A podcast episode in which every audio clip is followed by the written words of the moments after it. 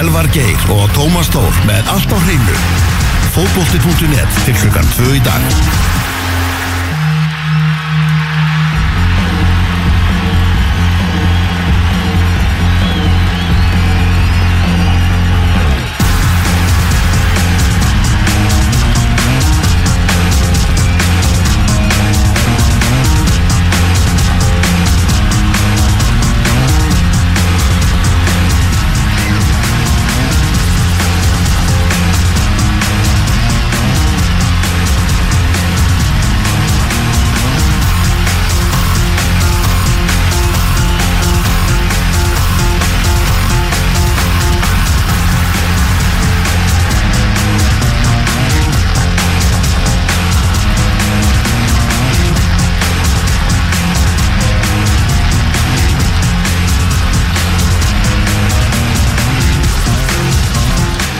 Tíundi november 2018 út á státturinn fókbóti.net býður góðan og gleðilegan daginn Elvar Geir og Tómas Þór með ykkur til klukkan 2 í dag. Það er hátæðisleikur í ennska boltanum. Viðurregn Cardiff og Brighton.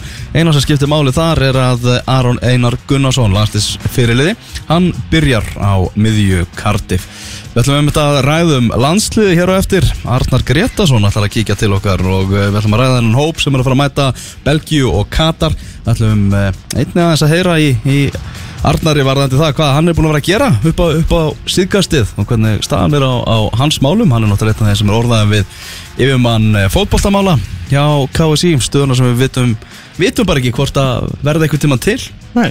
Það er, Og líka ræðið Arna hvað hann er ekki búin að vera að gera. Já, Að þjálfa fótballtalið hann er ekki búin að þjálfa fótballtalið Mm. Hann kemur hérna til okkar uh, rétt á eftir. Við ætlum einnig að fá góðan gest sem er nýkominn frá Færeum Hann heiti Brynjar Hlöðvarsson var uh, tilnæmdur sem besti leikmaður færisku deildarinnar einn af þremur. Það var hins vegar Adrian Justiniusen sem, að- sem að tók það, það var nú reyndar ekki óvænt. Nei, Adrian Austnes sem við kjósum að kalla hann. Já, algjörlega. Sem að bara skoraða vild úr aukaspilnum í uh, sumar. Að, og Hábjörn náttúrulega meistari. Hvernig er að spila undir stjórn Heimis Guðjónssonar í Færium hvernig er nú bara að spila í færisku deildinni? Binni Hlu ætlar að segja okkur frá því á eftir. Uh, Tíðindi úr Pepsi-deildinni ger, Tómas? Já. Það kom duttinn tvær staðfest fréttir. Uh, Kæli og í Bartastofu. Hann er gengin í raðir vals. Þeir eru með urmul vangmanna eins og staðin er núna. Í sko bandarískum íþróttum er talað um uh, svo kallar depth chart uh, svo sem eftir að hérna íslensketa ef ykkur með einhverja þýðingum málega henda á mig á Twitter sko svona Mm. dýftar eitthvað, við, við kallum þetta bara brettina en þú veist við viljum aðeins svona auka uh, orðafólan og, og, hérna, og frasana í þessum bransa. Sko, þetta er náttúrulega algjör bilun eins og þetta liðir, liðir orðið sko, það er engin furðu að þetta liðið er búið að vinna þennan til núna tvö orði röð og þeir eru núna sjálfsög early contenders að taka þrjú orði röð. Vinstri kantur Andri Adolfsson, Sigur Egil Lárusson Binni Bolti. Mm. þrýr bonafide starterar sem allir myndu starta í öllum öðrum liðum deildarinnar. Punktur mm Mhm. hinum einn Díón startur í öllum liðum. Uh, hérna Kristinn Ingi Haldursson ég held að svona kannski verðbyrðin í honum kannski fór aðeins niður Já. eða mikið niður síðasta tímbil hann geti svona kannski verið kannski lauf sem að fellur af, af valstrénu og fer einhverju starf í eitthvað liðum en hjálpa því. Og síðan Kæli og í Bartastofu. Þeir eru með sex kantmenn og fimm að þeir myndu byrja í öllum liðum deildarinnar og meðan er svona liðið og svo fram með er síðan bara eitt kongur, Patrik Pedersen. Já, akkurat, hann er algjörlega konkurinn þar. Og þeir ætla að bæta við sig nýju eins og Bjósi Reyða sem að gaf í skinn hérna um síðustu helgi. Uh, og menna, og meðan er liðið svo breyðablík sem endar í öðru sæti í deildinni uh, fer í byggarúslit að leita bara logandi ljósi að, að kantmönnum hlýtur að vera. Já.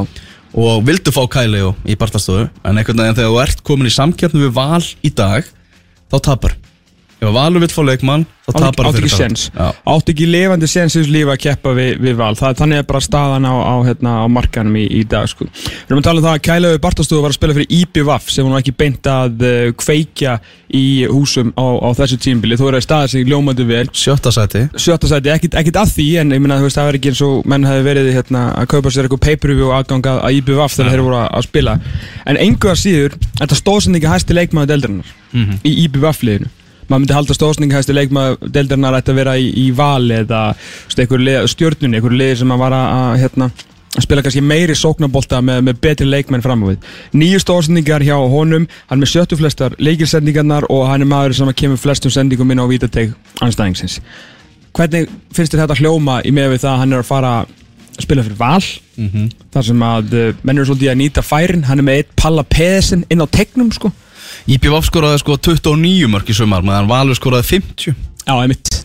Og hann var með, þú veist, nýju stóðsendingar af því og skoraði eitthvað fjögur mörg uh, ef ég maður rétt, hann er með 13 mörg pluss stóðsendingar uh, það eru 13 stig í, í Ísokki hérna, og mennst að 13 stig í MLS sko, þetta er náttúrulega ro, þetta er rosalegu fengur, ég talaði við hérna góða manni í, í deildinni um daginn. Samherja uh, hans Kæljó hann sagði bara ef hann fer á, í gerfugraslið sem er reyndar þrjú af fjórum bestu liðum landsins í dag. Já, þá verður hann betri en nokkuð tíma fyrr. Hann er að fara í gerð hann er að fara í gerðugarsli þannig að uh, þetta Kælegu Bartalstofu verði, hann er, hann er hérna, early contender í bara player of the season. Búm.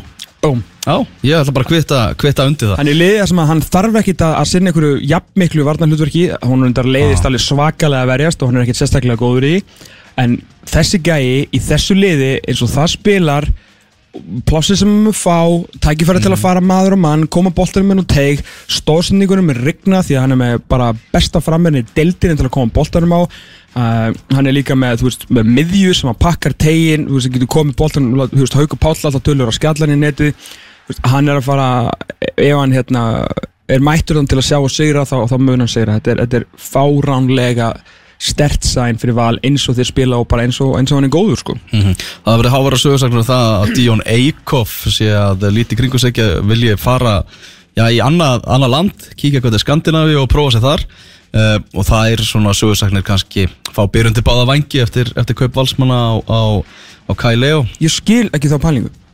Ég, ég ætla bara að henda þið fram Mhm. að það er ekki fræðilegu möguleiki að Dion Jeremy Eikhoff getur fengið meira uh, í lommen einhver staðar utan Íslands. Já, og ég veit ekki, veist, hva, hvað, er, hvað er að hæsta sem að Dion Eikhoff er? Já.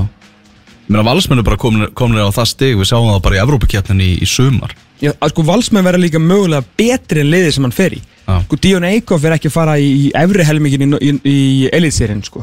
hann er ekki að fara í efri helmingin í, í allsvenskunni. Og hann er alls ekki einu svona bara held ég að fara í uh, hérna, í súbelíka í Danmarku Mhm. þannig að hvernig- hver er þá tilgangurinn? Já Þú veist, ég bara, ég næði Ma, ekki maður eiginlega getur ekki metið þetta fyrir, hann er fyrir ekki- maður sér staðfestsvegan og hvert það myndi fara. Ef að- ég, ég var að tala um Þetta þetta eru, eins og staðan í dag bara sögursagnir Já, ég meina, þú veist, en ég bara, að því maður veit alveg að hann hefur fullan vilja á, að prófa sig eitthvað annar staðar, en ég bara, ég sé ekki alveg tilgangi með, ég mani þegar að Kristinn Freyr Sigursson var að fara frá Val fyrir tveimur árum. Uh, Nei, jú, frá Val, sko, nei, hvort hann var þegar hann var frá fjölni og fór hann ekki hérna, þá voru að ræðum, sko, þegar FH og Valur voru að berjast um hann, held ég. Já, að, hérna, að, þá vissi maður að, að hann gatt skiluru uh, farið í, í eitthvað af þessum toppliðum og fengi bara fína seðil og, og farið í man, man, hann var rosalega orðaðið við F á þessum tíma. Ok. Þú, þú veist, það var umræðan, sko, hann var alveg svakalega svona sterklega orðaðið við F á okkar Mm. en hann vildi svona fara út og maður svona fór að hugsa, ok levelið sem hann er að, hann er að fara veist, það er, það er ekkit, þú veist, F getur alveg bóðið honum sama í raun og veru betri laun vantilega eða mjög svipu laun. Og svona eins og aðtunum manna umhverfið er hjá, hjá FH, þú veist, þá hann er ekkit að fara að gera eitthvað betur fyrir sem fótballtafyrir en auðvitað það sem að Kristinn Freyr og fleiri, þetta bara þú veist, persónu gerir þetta við hann það sem að þeir fá með því að vera í Elisirinn eða þú veist, þá er kannski í góðu liði í óbúslíkan mm -hmm. lægstustu deild er að þeir eru náttúrulega eru nær og þeir eru kannski meira í sjónar, svona í Já. sjóndeldarhingnum hjá, hjá þeim sem að, sem að skipta máli hjá efri liðum, alveg svo Mattias Viljánsson var alltaf bara eitthvað harkinu í, í start og þú veist, þeir bara úr start í Rosenborg sko, einhverju jójó liði í bara besta lið uh, Noregs og top 3 lið á Norðurlöndum. Þannig að auðvitað sáu möguleikin en, en, en Dion hann er ekkert svona góður sko. Nei. hann er bara, hans level er bara að mínum að því bara top 20 pepsillaleikmaður Já, ok, og er það bara, ekki? já mjög upplöfur þar og bara á, á, á finnast það Veit það ekki, kannski er hann kannski er hann bara að fara heim, það getur líka verið. Kannski er hann ekki að fara neitt. Ég myndi skilja það miklu frekar ef hann fara eitthvað í USL og vil bara veist, komast ah. til bandaríkina, veistu, ok. Mm Býðum að sjá hann hvað gerist í þessum málum það var annar, önnur heldur, fyrir heldur þú ánum fyrir mig það þeir náttúrulega tala um að þeir vilja vera með breytt og tölum um það, þeir sáu það í sumar þeir þurftu að vera með jafnmikla breytt og þeir voru með. Mm. uh, til þess að veist, þeir ætla sér hluti í Európu og voru náttúrulega grátlega nálat svakalegum árangri hérna móti, móti fókindunum í, í, frá Týraspól uh, heldur að það fari bara enginn frá þeim? Þeir ætla jafnvel að fara upp í sko 21-2 þannig þessi bara með þrjá fjóra sem komast ekki í hóp sem að myndu starta í liðum pepsildri Já, Gauði Lýðs er náttúrulega farin Gauði er enda farin, já. Já En heldur þú fá sér ekki eitthvað fyrir hann? Það kemur ekkert á óvart. Einmitt. Það er eiginlega bara þannig sko. Og ég kannski veginn Og er ekki ennþá býð eftir Annáns Orri? Menn er ekki Orri Sigur alltaf að fara að mæta líka? Jú, það Já, getur ég veit ekki, bara svona að pæla Ég menna þetta kannski Já, gekk ekki alveg hjá honum úti. Já Hellund er áfram. Hellund er áfram og, og Eður Aron og þú veist, Orri. Já Þetta er alveg svakalegu mannskapur sem eru mættið með sko. Þetta er bara, þetta er belun. Og einhvern veginn á Óli og Bjössi að halda öllum svona þokkalega sáttum bara. Öllunum að Guðunni Petri. Já, en þú veist, með því eins og við höfum talað margóft um í þess að þetta með því að vera rosalega sangjarnir í sínu liðsvali ef þú stendur þig og fær tækifær og nýtið það, þá færð að spila áfram. Þannig er þetta bara hjá, hjá þeim félögum sko Algjörlega. Uh, Förum yfir í hina staðfestfyrirtina sem kom inn í gær þar sem að Artur Ingi Kristinsson hefur samið við Káar til tveggja ára. Það var staðfest á heimasviði félagsins þar sem að er reynda sögðan hefur mestmögnin spilað sem kantmaður. Já, ég Ég ætla ekki að ská Rúna Kristinsson af ekki skrifa fréttina. Nei. Ég held að það sé klárt mál. En þannig eru, já, tveir bitar úr Vikingi Reykjavík farnir í, í KR Það hefur verið mikil tenging millir þessara tveggja félaga. Jó, við hefum svona meira vel að fá sem ekki komast í lið hjá þeim. Já, Já. og hérna fengið margar svona oft kallað þetta Marcial-aðstofuna sko, þú veist, þeir að senda okkur marga góða leikmenn sko, og hérna, og þú veist, þeir hafa svona ekkit, ekkit oft kunna, kunna gott að meta og við hefum gert eh, leikmenn og, og menn uh, úr, úr mörgum bitum þeirra. Þeir hafa sendt okkur geggjaða gæði Greta Sigfinn, Höskuld Eiríksson Kaftin Höska, nú bara neyja með sig. Dófra Snorarsson og, og, og fleiri sko. Hérna, þannig að við, við skuldum alveg en, en ég veit ekki hversu mikið við getum borgað tilbaka með 31 árs gamlu Marþóringa Kristisinni sko. ég, ég bara ekki miskila mig. I love that guy. Já, já, bara þvílíku karakter og, og bara eins og mikið og ég var svona efaðast um hann til að byrja með að þá er þetta bara gæði sem ég vil hafa í 90 mínútur inn á, á fótboltavellunum fyrir Viking alltaf. Mhm. en síðasta tímbil var ekki spesjánum sko. og hann sé að frá ká sko, og, og, og, og líka bara horfa á kallana sem eru fyrir hjá KR sko. Mm. Bara þú veist, þetta Hann er að fara að byrja á bekknum að það Já Ég hef bara pottið, ég meina ef Rúna heldur sér vantalega við þetta fjóri fjóri tveir dæmi og þá, þá er Alfred ekki Kristinsson ekki starter sko. ég, ég skil þetta ekki alveg Þú veist, kannski vill hann eða, þú veist, hann er búin að vinna rosalega hart í sínum málum, en það er strákur sem að, þú veist, er hlaupalinn á skaganum, er, þú veist, eitthvað í hamar og, og, og svona dettur inn á, þetta er eitt af þessum nokkrum svona neðri deildar, semst, inkasso og annar deildar kaupum, þar sem að Milos Milojevic ætla að sína hversu góðu þjálfara hann er og gera leikmenn úr, úr svona neðri deildar spilurum og gegn stundum og gegn stundum ekki. Hann er klálega gott að það hafi gengið alveg svo alveg fyrir Hilmarsson. uh, þannig að maður skilur svona að því leiti að hann, þú veist, hvað fekk hann, tveggjara samning? Tveggjara samning að þetta væri kannski svona hann sé að upplefa núna hápunktin á, á sínu ferli og hann ætla að fá að prófa það er kannski svona 5-6 ár myndum maður halda sem Arthur Ingi Kristinsson held að hann væri bara myndi bara spila í annari deildinni og myndi Já. bara halda áfram að búið til tónlist eða eitthvað Mhm. en síðan bara einhvern veginn kemst það bara í gýrin og verður bara algjör Pepsi deildar leikmaður. Ég fyrst vissilega ekki einhverju frábæru lið en lið sem eru gert ágætið sluti og, og stundum ekki.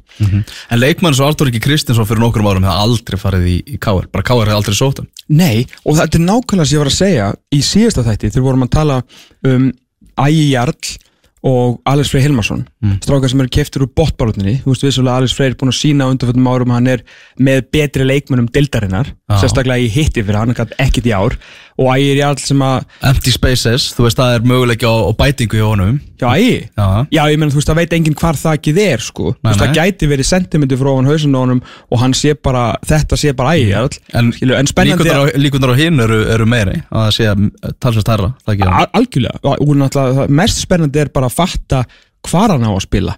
Skilur, bara hvað hann á að spila og hvað hann á að gera sem, sem fótboltamæri þú veist, Mhm. það, það var svona eiginlega orðið umræðin undir, undir svona log mótsins að því að þú veist, á hann að vera bara frammi og maður heyrta að hann að vera bara mjög framalega hjá káringunum, hann Mhm. bara nýta, nýta hæðina því að þú veist, hann er kannski ekki alveg jafn góður í fótbolta og hérna og við kannski heldum sko, þú veist, hann á eftir að bæta skotin sín og eftir að bæta alveg, alveg heilan helling sko.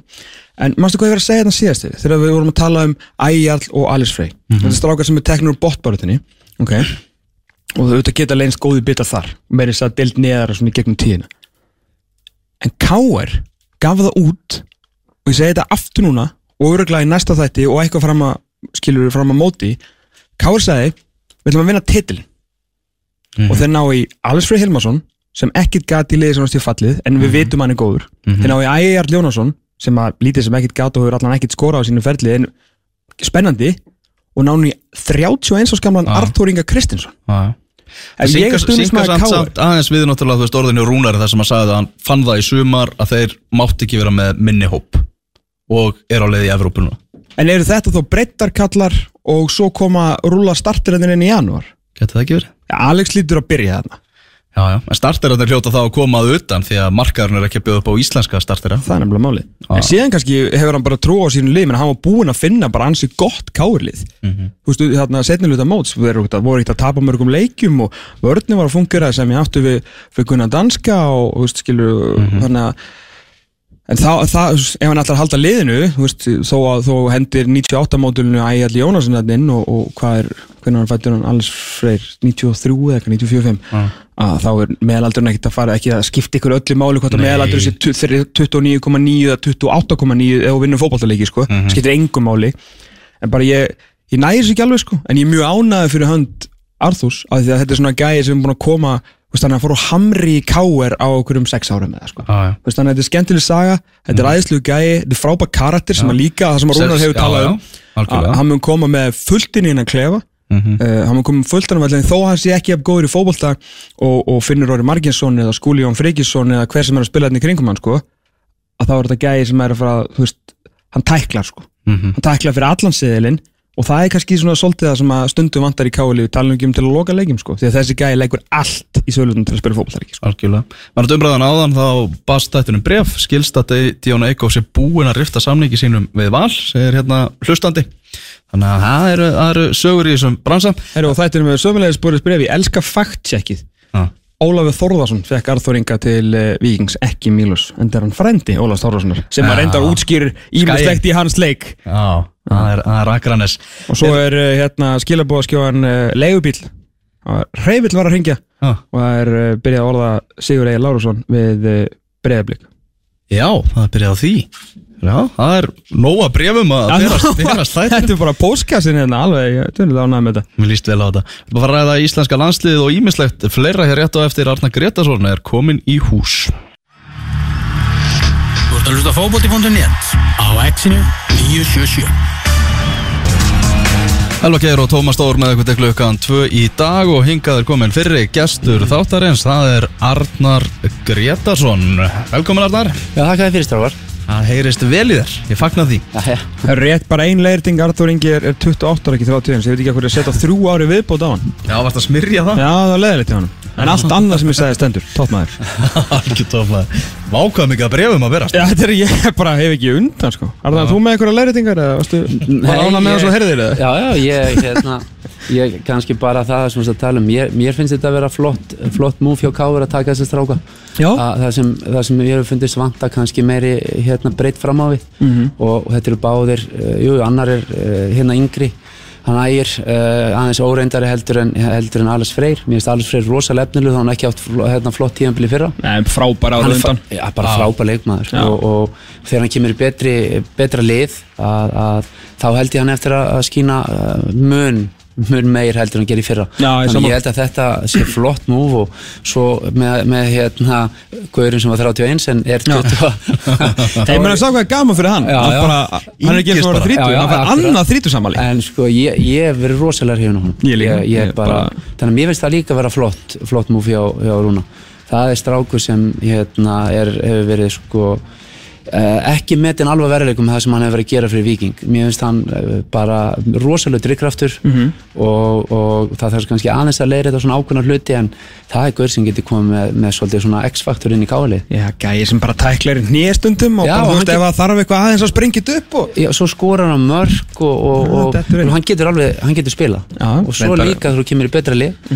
að þá kannski ferða e, á, á annað level. Einu veist þess að sögða? Hann skaut yfir á markteg, Já. yfir markið, yfir grindverkið og hann á rúðun á bílum mínum og braut hann Nei, hann, sko, það er nú þessum sem þú varst að tala um var 31 Já, Þú ert ekkert búin að gleyma þessu nei, nei, alls ekki sko. Ah. En það vinnan borga þetta, ég var hann í vinnuferð sko, það er alltaf læg sko, það er alltaf ógeðslega að sko. Já, já. Það, þetta kemur fyrir best, bestum Já, já, klálega Við snertum kannski aðeins á, á Pepsi-deltina á eftir en við ætlum að ræða þess að byrjum, á- byrjum á, á íslenska landsliðinu og ný landsliðsópur Opinbjörn í gær, það er nóga meðslum sem að Erik Hamren fær í andlitið. Uh, Raggi Sig og Björn Bergmann komu svona nýjir inn á fundinum á meðslalistan fyrir voru þar Emil Hattfreðs, Hólmar Örn Eyjóls, Rúnam Á Sigurjónsson og Jóndaði Böðvarsson. Þannig að það hefur verið svona þokkali kunst að, að setja hennan hóp uh, saman. Bara að vera án þessara manna. Þarna, það er, það er ansi von. Uh, Þetta eru leikilmenn og líka leikmenn sem hafa verið bara að standa sig vel svona upp á, upp á síðkasti í síðustu leikin Já, já, ég hérna, uh, hérna en það sem, það sem hefur nú verið að gerast undarfarið að við erum að, alltaf fá fleiri og fleiri leikmenn út og fleiri leikmenn sem er að standa sig og, og, og það er náttúrulega bara mjög jákvætt og, og, þannig að landsinsþjálfurinn hafa stærri hóp að velja. Og svo komið mér skemmtilega óvart uh, hann Rúna Sigurjóns og uh, verið að standa sig gríðarlega vel í þessum landsleiki sem ég sé og, og náttúrulega kannski búin að vera að spila vel ellendis og kannski ekki fengið hérna þá eh, já, sko, umfjöllin kannski sem hann hefði ætti kannski að fá. Það er oft með kannski þessar minni deildir eins og svistinsku deildina og að sem er fínasta deild að, að menn tala ekkert mikið um, menn eru svolítið að horfa á náttúrulega eh, hérna ennsku deildina og þeir sem eru þar og, og svo Alfreð í, í, í, í hérna þýsku deildinni. Þjálfarna sem átt hann ekki einu svona veleikum og senda hann á lán og svo koma tilbaka og nýr þjálfar gera hann að fyrirlega sko. Akkurat, þetta, þetta er fljótt að breyta þetta þannig sko. En, en ég, ég náttúrulega nú er þetta búið að vera svolítið erfitt hérna hjá nýjum landsleithjálfurum í þessum fyrstu leikjum. Já. og ég held að það hafi svo sem alveg verið vita fyrirfram að, að það er ekki auðvelt. Að þú ert að taka við búi sem er búin að gera alveg ótrúlega hluti. Heimir og Helgi og svo Heimir og Lassa á undan og, og, og hafa náðurinnur hlutum sem er raun alveg ótrúlegt hvert þeir fóru með lið. Og raun alveg ótrúlegasti árangurinn var það að vinna riðilinni fyrir HM og svo geta menn uh, svona raugrætt um það hvort að útkoman á í Rúslandi hafi verið góð ekki. En ég vil nú menna það að, að framistæðan hafi verið hérna, verið góð sko, kannski einn hálfleikur á móti, móti nýgri sem hefði geta verið betri. En þar fyrir við og, og reynum svolítið meira heldur en við vanir. En heilt sé við spilum frábæra leikum móti kró, Króatónum og óöfnir að, að fá ekki úsleitt þar. Mjög góðan leikum móti Argentínu. Við erum að, spila, við erum að tala móti frábæru landsliðum Uh, og svo náttúrulega lendum við í þessum í, í þessari deild með, með hérna, Sviss og, og, og Belgju eftir að fá nýja þjálfarinn og með einhverja leikmenn í meðslum og annað og það er ekki að skipta öllum máli. Og fáum ákveðin skella okkur í, í byrjun og, og, og svo skánað, hefur þetta aðeins skánað en, en, en svona vantar ennþá upp á. Og maður finnur strax að, að það sem gerist að eftir svona nokkru leikjum það sem er, menn er ekki ná úslitum að strax fer trúin svolítið hjá öllum að minka þó svo að þeir sem eru kannski í kringu landsliða þeir eru ennþá hafið trú á því sem þeir eru að gera, að maður finnur samt svona bara eh, þið sem er að fjallum og, og bara almennt stuðnismenn hérna landsliðsins að þeir hafa minni trú einhvern veginn núna því að við séum að fara að ná úslitum uh, ég meina uh, fengum belgana hinga heim og Sviss heim og ég held að við hefum ekkert haft rosalega mikla trú að við varum að fara að gera eitthvað í þessum leikjum. Um, en, en, en mér fannst það kannski líka endur spegla aðeins í, í frammeðstöðunni í leikjónum mm með að hvernig við höfum verið að sjá það á móti sístlakari liðum. Uh, bara tökum króatana þegar við komum hingað og fyrir mér er það eitt besta liði í, heim í dag. Og, og þar hefur við bara sínt það við, við fórum inn í þann leik bara uh, með 100% trú að því að við getum náðu úrslitum sem við gerðum. Mhm. þannig að Þannig að það er ennþá svolítið vegur að vinna fyrir, fyrir landsleitsfjálfarana og, og það verður svolítið spennand að sjá núna, núna þe- þessa tvo leiki, sérstaklega leikinu móti Belgíu. Um, hinn leikurinn held ég sé svona minna margtækur að, að tvíliti að, að æfingarleikur og, og ekki á móti mjög sterkur lið en, en það var náttúrulega mjög kærkomið bara að fá sigur þar og, og ná góðum leik á móti belgum. Mm.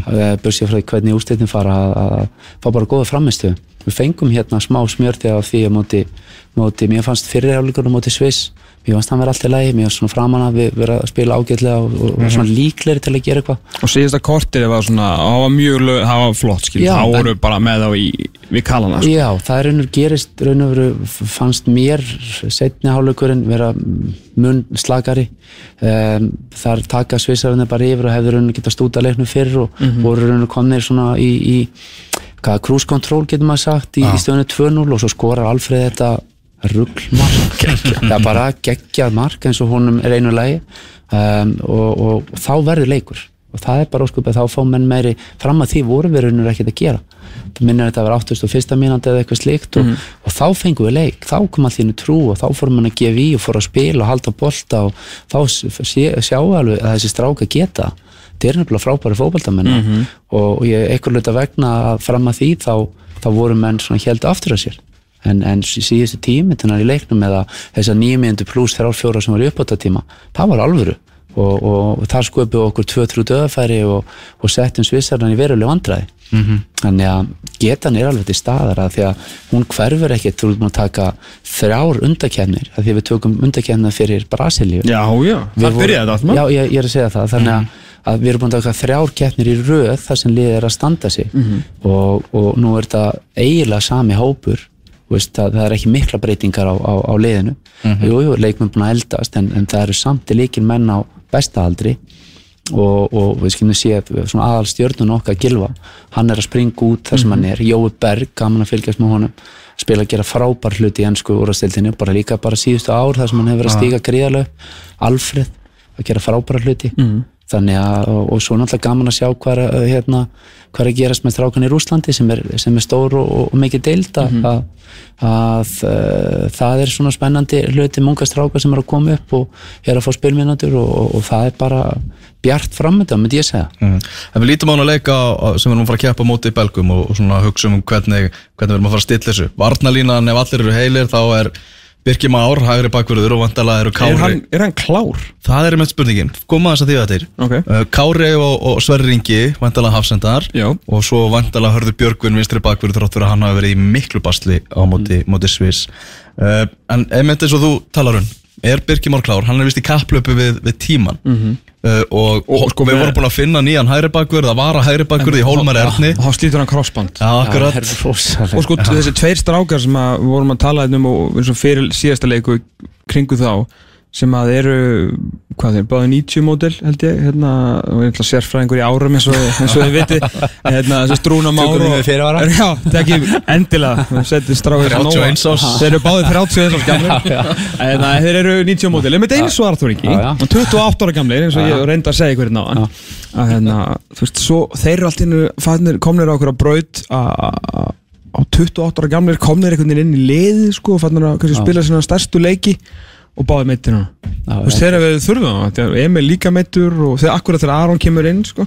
en já, en h- hægri bakur þetta er, þetta er góð spurning. En, en, en svona er fótballtannstundum hann já, hann er Já. alltaf svona fyrir Erik Hamrein greiði sko. ég allavega uh, hinga til Já. En, en, en eh, nú, nú hérna þetta er nú eh, hérna, síðasta leikunni þessari keppni og, og, og það verður náttúrulega gaman að enda það á, á svona, svona góða máta Já. en, en þetta er svo sem hjálpar honum ekkert í því að stilla upp að við getum sagt það sem þjálfari ég held að allir þjálfara þeir vilja geta stilt upp svona sömu varnalínu og veist, leik eftir leik og verið búin að finna aftustu fjóra með markmanni pluss kannski eitt, tvo miðja með fyrir framann og þú vilt ekkert vera að rókera mikið í þessu. Þetta er svona, svona, svona mynda stöðuleikan lið fyrir að íslenska landsleif var að spila hvað hva best að það var alltaf við gáttum bara sagt fyrir bara hvað, lið, hvað leikmenn myndi spila.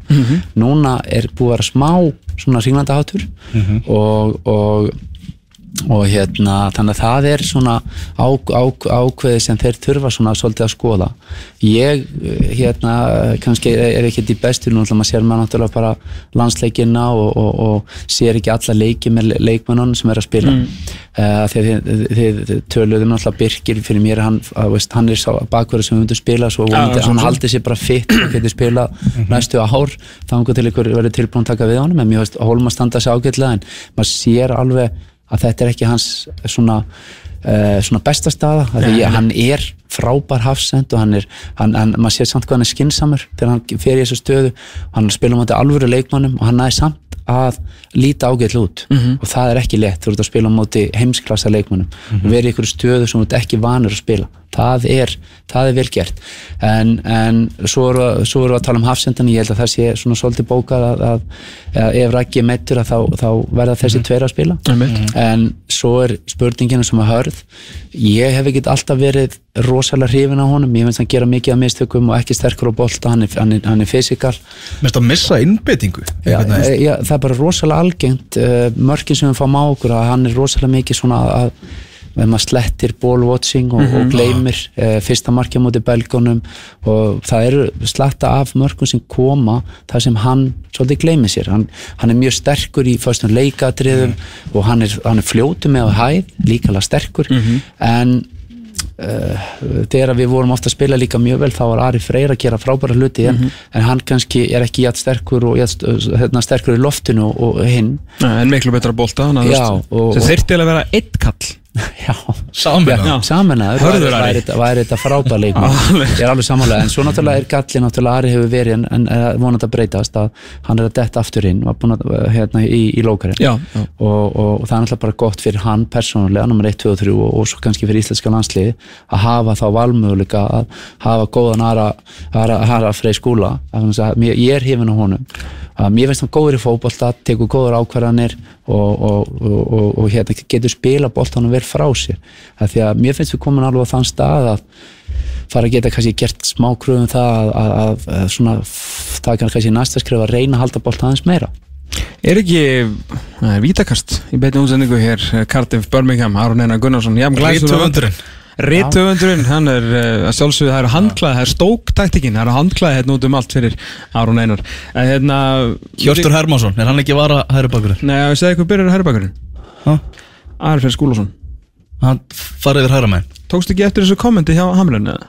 Þegar ég var að spura hann út í herrbakurinn. Nei, ég mistaði Hann sagði hann eitthvað svona... Og þá myndist hann svona á Ara, svona... og svo hann eiginlega sagði að Ari væri réttfættur, en ég held að það hef nú bara verið, þú veist, týnst í þýðingu, sko. Já. hérna, uh, já, ég held að Ari byrja herri minn. okay. bara, bara með þetta komment sko Já, að- það geti alveg verið það er því að þeir eru náttúrulega smá að, að, ströggla fyrst að hólma líka dettur út Mhm. og þannig að, þannig að það er oft með bakverð, það er oft rosalega kostur að þú ert bakverð sem getur spilað báða megin já, já, það eru, eru til alveg bakverði sem geta hérna, hérna pulla það Mhm. og það er rosalega kostur það að þú, líka bara það að, þeir eru út að velja hóp þá ertu með náttúrulega tvo bakverði sem starti yfirleitt þeir sem eru með fjármannalínu Mhm. og svo, er, svo viltu ekki vera með tvo bakverði á bæknum þannig að þú getur verið með bakverð sem geti Já. púla, púla bæði þá er það rosalega kostur. Nei, eins og Hörður Björgun er náttúrulega, Já, náttúrulega miðvörður í já, já, hann getur spilað fleiri en eina. Já, já, það er rosalega kostur að geta verið með svona, svona leikmenn sem geta spila fleiri en einastu séu svona multitaskarar. -hmm. þannig að, að ég, ég held að það geti alveg, geti alveg orðið. Svo náttúrulega er, er fyrirlun okkar náttúrulega komin til, eh, tilbaka. Hann, ég hann, takk fyrir Guð, sko. já, já, þannig að hann, hann kemur náttúrulega inn og svo náttúrulega Gilvi í, í, í dundurstandi og, En og, þegar Aron kemur inn já, þá er Emil og Rúnar úti sko. En ekki bara Birkirinn á miðju og uh, undrabarnið að skaganum. Startar þetta bara? Já Sigurðsson. Ef hann getur byrjað á móti Róma í meistaradeldinni þá hlýtur hann að geta byrjað það. Það er svona góð spurning ég menna svo er alltaf spurning hvað þjálfar að gera nú veit maður ekki. Uh, velja hann í fyrsta skipti, setja hann beint inn hvað, þú veist, uh, nú, nú veit ég það ekki. Nei, nei, ég, maður veit þetta, ekki þetta, þetta, er alveg, þetta er alveg pæling en, en þá getur menn satt býtt út úr hvernig hann ekki valin í síðasta leik. Hvað er búið að breytast á, og veist, jú, jú, hann er búin að spila eitthvað leiki í meistaradeild en, en það, hann er ekkert búin að taka einhverjum sko, þvíleikum framförum en hann, hann er samt, samt að bæta sig. Það, það því að þessi drengi sem er nú ungir og, og hann er að skólast mjög hratt maður sér það og, og, og ég er náttúrulega þekkti pappans uh, spilaði með honum, Mm. náttúrulega algjör topp eintak. Hvað spiluðu þið saman? Í, í landsliðinu, í Já, já, já, spilaði á náttúrulega algjör topp eintak bara flottu drengur í alla staði og, Mm. og, og, og ef sonur er líkist uh, föðu sínum að einhverju leiti er sko mamma svona alltaf miklu betur en pappa sko. Já, ok. Margrét Agadóttir sko. Já, þannig að hann er, hann er með á, Báðu á sko. Sko.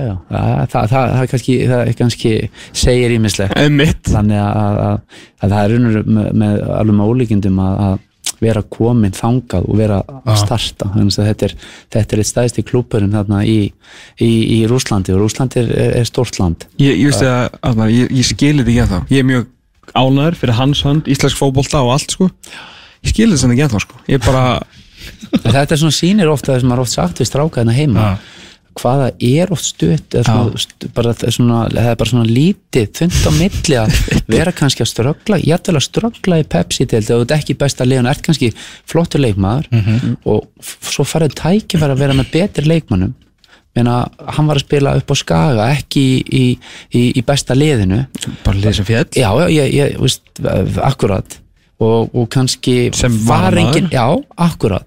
Og hvað er hann í dag? Það er nákvæmlega þetta Sko hann er keftur sko til Nörrköping sem er já, svíþjóð já, e- einn af, einn af svona topp 5 klúbum Ab, Absolutt. Og sko það eftir að, þú veist, það er náttúrulega auðvitað bara að veðja á hæfileikana fyrir eitthvað sem hann gerði með í en alveg eins og þú segir, hann er svona að koma að fá okkur að mínútur þú veist, það hefði verið miklu eðlilegra að því að Skæja var náttúrulega bara að spila á sínum stráku spila á ungu strákum og vissálega þeir var að fara niður hann að hann hefði verið farin að starta kannski síðustu sexju leikina sem var ekki málið. Nei, nei. þá hafði hann farið til Nörrsöping og þeir, svona, þeir voru mjög skinnsami með hann. Já, já. leta spilu, st hann startaði kvildi, startaði, startaði, kvildi og svona hann, hann hefur ekkert, byrjaði ekkert hvert leik. Svo kemur tímabili ár og þá af því hann er í seska mosku núna þú veist, þá myndum maður bara strax halda já, ég kannski ekki fylgst nógu með, með en hann hlýtur að hafa byrjað alla þú veist, 17 leikina í allsvenskunni eða eitthvað fram að því sem hann fór og skora 10 mörg og lagt upp þrjú. Nei, nei hann startaði, eitthvað tíu eða eitthvað og, Já, og veist, kom stundum inn á bekknum heldur hann skora no, eitthvað nokkuð mörg Já, já. en hann gerði samt eitthvað nóg og hann er núna í sesku mosku starti í mestraraldinni Já, en það, það, það er það sem er líka orðið í dag að, að svona að þegar menn er að njósnum leikmenn eða skáting það er orðið miklu betra veist, líka bara tengingar veist, að fá svona references frá fólki fólki fara að tekka hvernig einstaklingur er viðkomandi hvernig er hann, hvernig æfir hann hvað er hann að gera fyriræfingar, eftiræfingar Einmitt. hvernig lífverðni hjá honum og þannig að þeir eru starfsmann að sjá hefðu, þetta er gaur með ákveðna hæfileika Mhm. veist, hann, hann sér leikin á hann fær boltan, hann, hann er með rosalega góða skilning á leiknum og, og hefur ákveðna svona eiginleika Mhm. sem þeir segja bara hefðu, og þá er spurning, hvernig einstaklingur er þetta? Er þetta eitthvað gaur sem við getum stóla á Mhm. kemur inn með rétta hugafærið og, og þá, þá er hann 100% þá er hann eftir að taka mikið skrif fram á þau Ég held að segja alveg 100% rétt hjá þér af því að þú bara talaðu hvert sem er sem að þekkja hann upp á skaga og annar staðar. Þetta er alltaf fyrsta sem þið segja hvað hann hefur lagt ógeðislega mikið á sig. Og það harmónin er náttúrulega alveg við þetta svakalega stökkans og síðustu tæpum tveimur árum. Og, hérna, og þeir náttúrulega, þú veist að Seska er aðeins svona yngjub lið og svona og,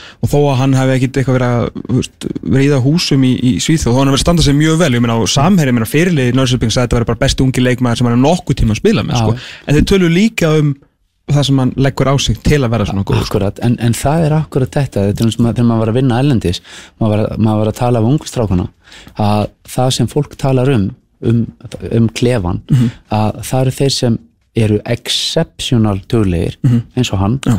og þeir sem eru latir og ekki með attitúti þeir sem gera vinnan sína eins og er eiga að gera hana það er ekki talað um það, er bara, hann er bara flottur atvinnum Já. en þú talar um hina og þú vilt vera í þeim hóp. Já. og þá ferðu, þá fer líka ferðu hrattu, Gilvi Sigur er gott dæmi um það. bara besta dæmi já, Ronaldo er Mm, annað hann er dæmi. kannski besta Já, já, dæmi á- Ísla- besta dæmi á Íslandi, Gylfi, já. já, Ronaldo er bara nákvæmlega sama dæmi. Og, og hefur alltaf þurft að hafa svolítið fyrir hlutunum og, og, og, og hann er ennþá þetta í dag. Ástæðan fyrir hann er alltaf fitt það er bara því að hann kvílir sig endalust hann æfir endalust, hann er með hérna, næringafræðing og það er kokkur sem eldar fyrir hann, hann er ennþá í þessu. Mm því, að, að því að hann vill bara verða bestur í sögunni. -hmm. Það er bara það, það er bara svo það er ástæðan fyrir því að menn ná árangur það er engin svona einhver bara magic formúla hann, hann er bara fættur frábær. Jú, það getur vel verið einhverju sem einhverja meiri eiginleika en, en það er 99% af þessu er, er vinna og aftur vinna og vinna og vinna og vinna, og vinna. það er það sem er svo helviti erfitt. Bara sagan hans Patrís Evra um, um daginn uh, á HM sko, um hann þegar hérna mat. Já. og ég held að eða eftir við æfingu sko. Já. og jú, hann gaf hann alveg að borða og mamma sem náttúrulega Ronaldo eldaði fyrir það og þau náttúrulega alltaf hérna í kringum hann eða voru, hann fekk sér fjölskyldu sjálfur. Og síðan var bara að fara út í út í garð og það voru bara burpees og, sendingafingar og þú veist, Evra held að að koma bara í huggulega lönns og þurftu bara að fara heim í sturtu já, já. Svona er maður búið að vera. Fá sér eitt kaldan og eftir og, glemdu því sko. En ef þú veist, í, svona í alvörunni er ekki, þú veist að því okkur vantar kantmann ég meina Birkir fer inn á miðuna með Aroni. En það, er ekki, það er gefið, með að það vantar Rúnar og Emil. Já, já, gæti verið, sko, en nú er spurning uh, hérna Já, ég minnst það er nú svona lang líklegast Birki búin að vera glíma við nárameðslu en hann er klár núna. Já, ok.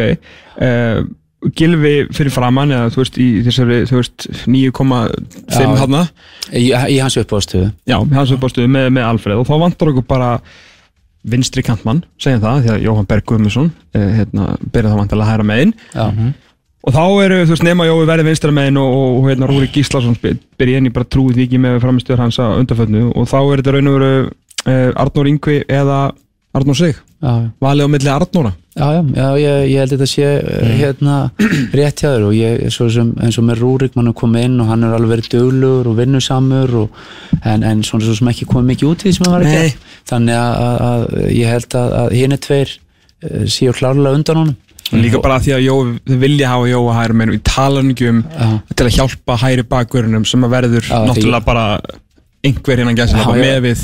Tala hún ekki- um, ég er ekki að segja að sé svona ideal ef þú ert með hægri bakur sem er hérna vinstarfótar og svo hægri kantmann sem er vinstarfótar Já, það er þetta mjög fyndið. En, en, en, en, en, þú, það, en það er mjög algengt ofta að vera með öfuga löpp á kontunum Já. af því að þetta er bara orðið svolítið svona þessi við getum sagt svona þessi þessi fótbolt í dag er orðið miklu meira þannig að kantmenni kom inn völlin fari í svæðin á milli miði og varnar og byggjum boltan kant, uh, fullbakkin er í rauninni orðin svona kantmaður sem sagt svona 1980 og Já, já. 1970 það sem menn voru að- krossa því að nú er það er orðið miklu meira að fólkbakkanir í dag þurfa að vera alveg frábæri fótballtamenn í, í bestu fótballtæljónum þá eru það eflitt görðina sem eru hvað mest með boltan og skipta miklu mála þessu góður í, í, í fótballta sko. ekki bara þeir geti hlaupið og, og, og, og djöflast en, en, en ég, ég, ég er svona hallast frekar á því að, að Arnur Ingo Trausta verði, verði inni, inni, inni frekar heldur en hinn Mm,